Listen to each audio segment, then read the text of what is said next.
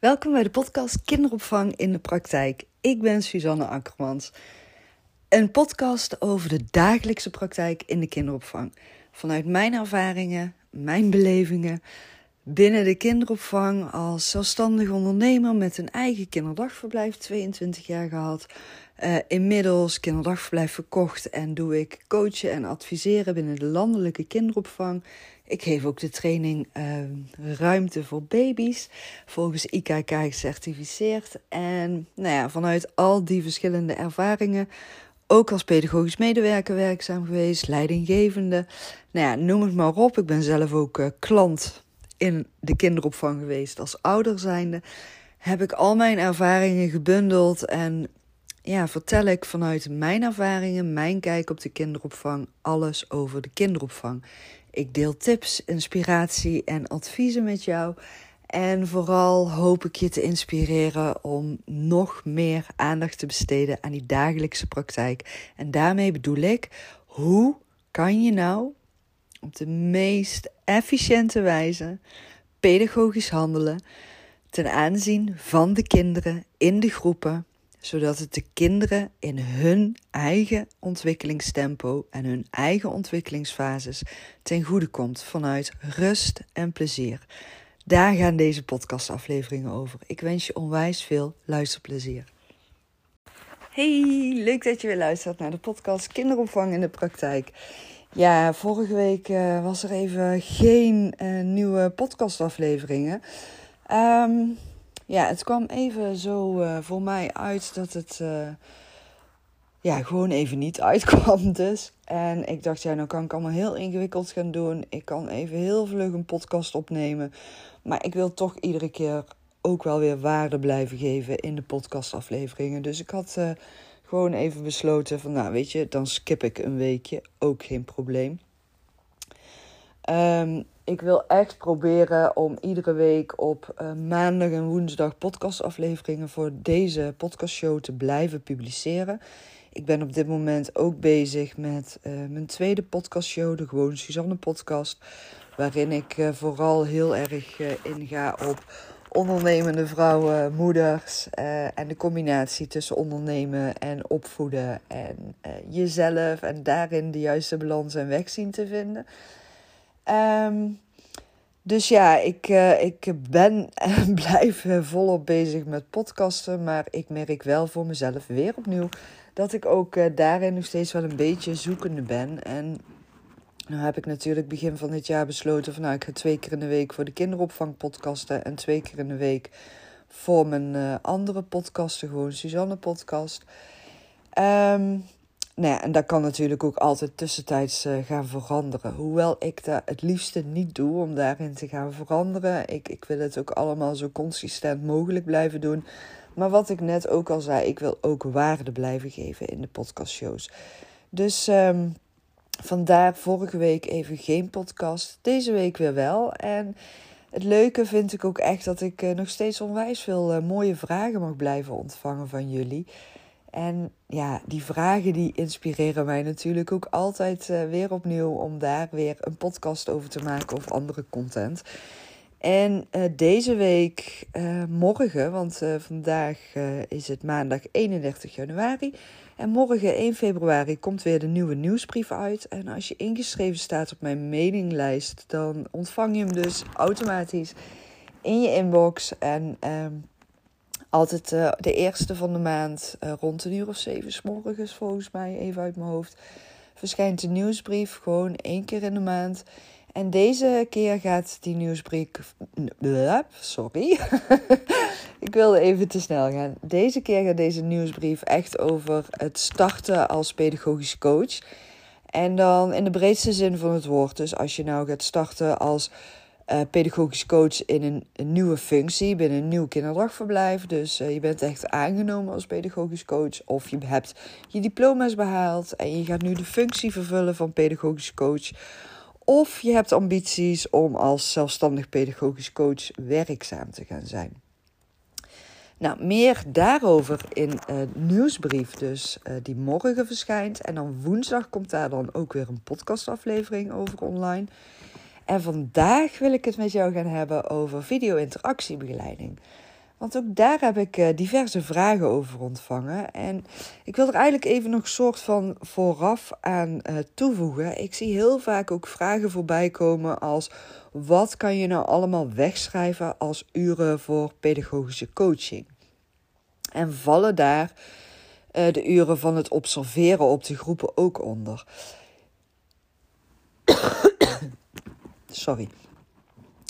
Ja, pedagogische coaching is dus ook die video-interactietraining. Die coachingsmomenten die jij hebt tijdens de werkzaamheden in de groepen, als bijvoorbeeld pedagogische medewerker. Maar ook als jij gaat coachen tijdens de werkzaamheden van de pedagogische medewerkers ehm, in de groepen. Dat is coaching on the job. Ook dat zijn coachingsmomenten. Benoem het wel altijd. Dus het is wel altijd heel belangrijk dat pedagogische medewerkers op de hoogte zijn van het coachingsmoment. Wat ik daar altijd in doe, is na coachingsmomenten, zeker bij coaching on the job, is even benoemen van gewoon maak even een kort A4-verslagje van uh, het coachingsmoment van vandaag en wat jij daaruit voor jezelf gaat meenemen. Eh, daardoor maak je pedagogisch medewerkers ook nog meer bewust van het coachingsmoment. Nou, dus dan heb je die video-interactietraining, uh, video-interactiebegeleiding, um, coaching on the job momenten en de observaties op de groepen vallen ook onder coachingsmomenten. Maar ik doe vaak de observatiemomenten wegschrijven als beleidsmomenten. Uh, omdat wanneer ik ga observeren, en dan is het wel afhankelijk van welk observatiemoment is het, ga ik observeren specifiek op de uitvoering van het pedagogisch beleid vertaald naar het pedagogisch handelen. Dan is het een observatiemoment uh, wat ik onder de coaching, uh, wat ik onder het beleid wegschrijf.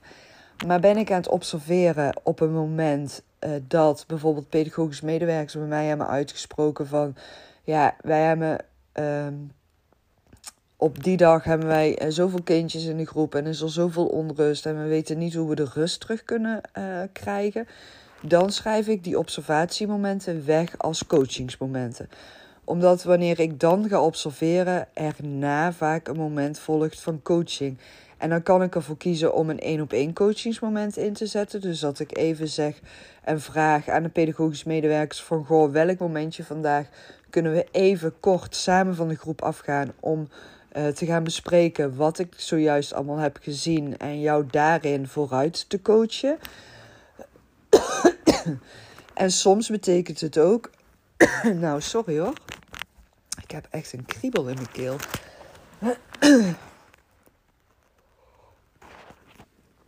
Zo, even een slok koffie. Nou, is ook eigenlijk helemaal niet handig dat ik nou koffie erbij heb genomen. Want als je koffie drinkt en je heel tijd gaat zitten praten, ga ik alleen maar meer uh, hoesten vaak. Maar goed.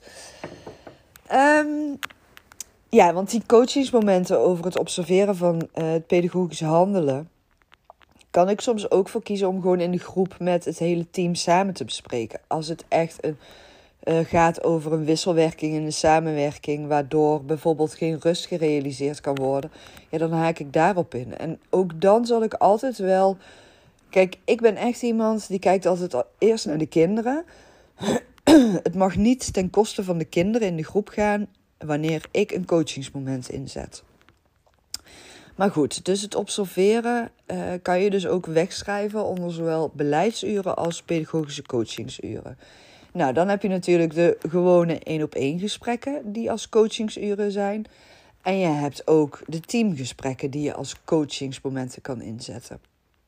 Bijvoorbeeld, wat ik net zei, in de groep naar aanleiding van een observatie en je pakt het hele subteam wat op dat moment werkzaam is in de groep en je gaat daar een coachend gesprek mee uh, beginnen. maar ook bijvoorbeeld tijdens een groepsoverlegmoment waarin je uh, op een coachende manier met het team in gesprek gaat over hoe het in de groep gaat. En je kan dus ook tijdens het gehele teamoverleg, waar het hele team bij aanwezig zit, coachingsmomenten inzetten. Dus er zijn best wel diverse mogelijkheden in het coachen.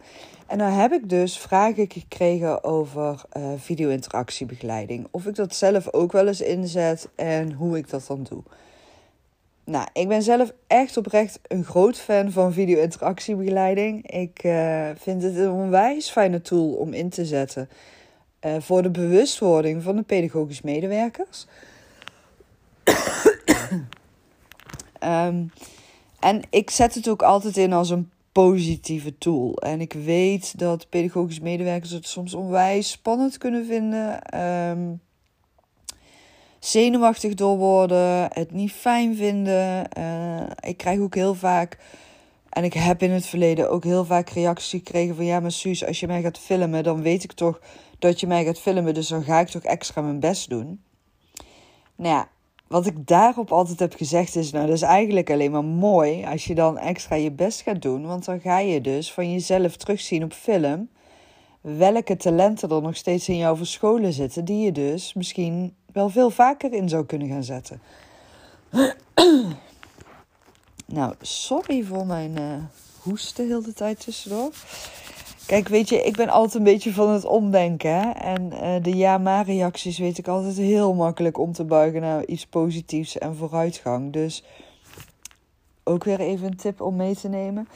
Um, ik doe gewoon altijd met mijn telefoon filmen. Ik ga niet met een camera of ingewikkelde uh, constructies of zo. Weet je, ik ben echt ook wat dat betreft meisje uit de praktijk. Lekker simpel, niet te ingewikkeld allemaal.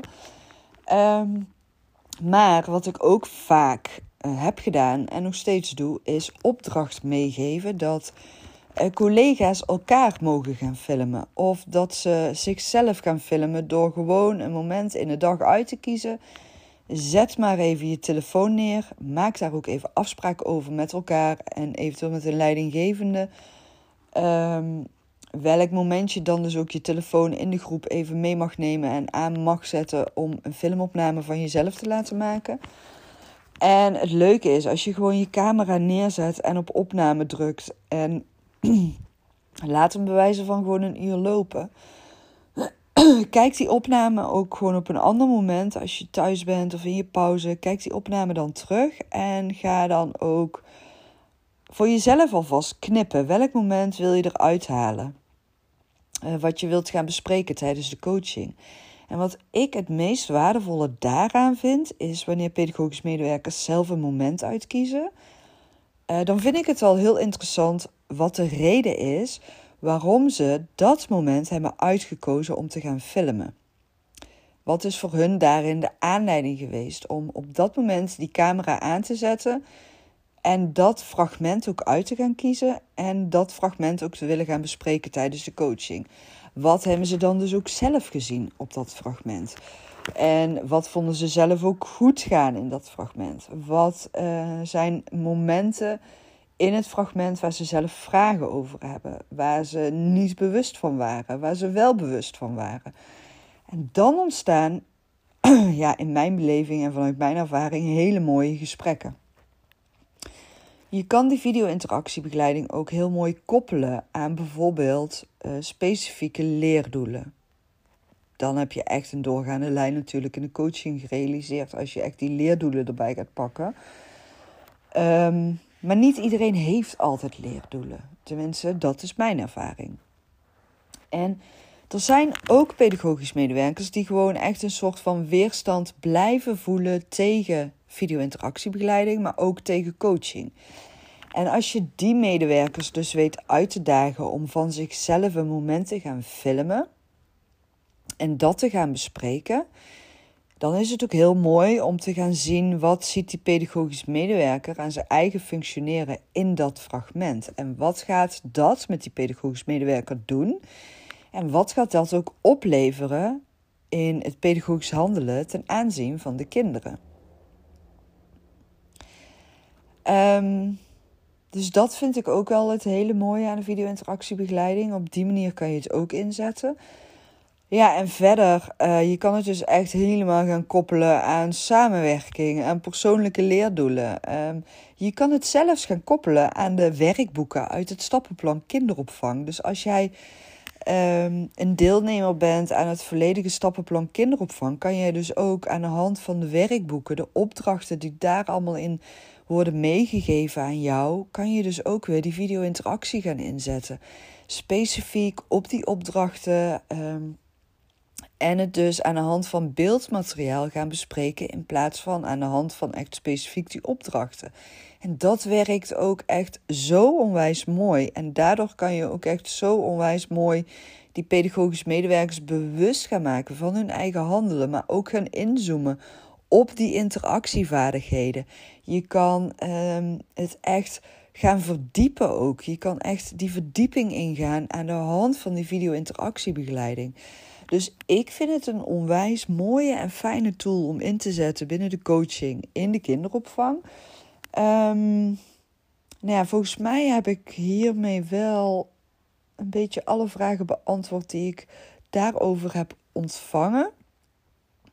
Uh, mocht het nou zijn dat je niet helemaal je antwoord, je antwoord hebt gevonden uh, door deze podcastaflevering, laat het dan ook gewoon even weten. En um, ja, dan ga ik je gewoon nog even wat meer vragen stellen, zodat ik zelf ook helder heb wat dan precies nog meer jouw vragen zijn eh, op dat gebied.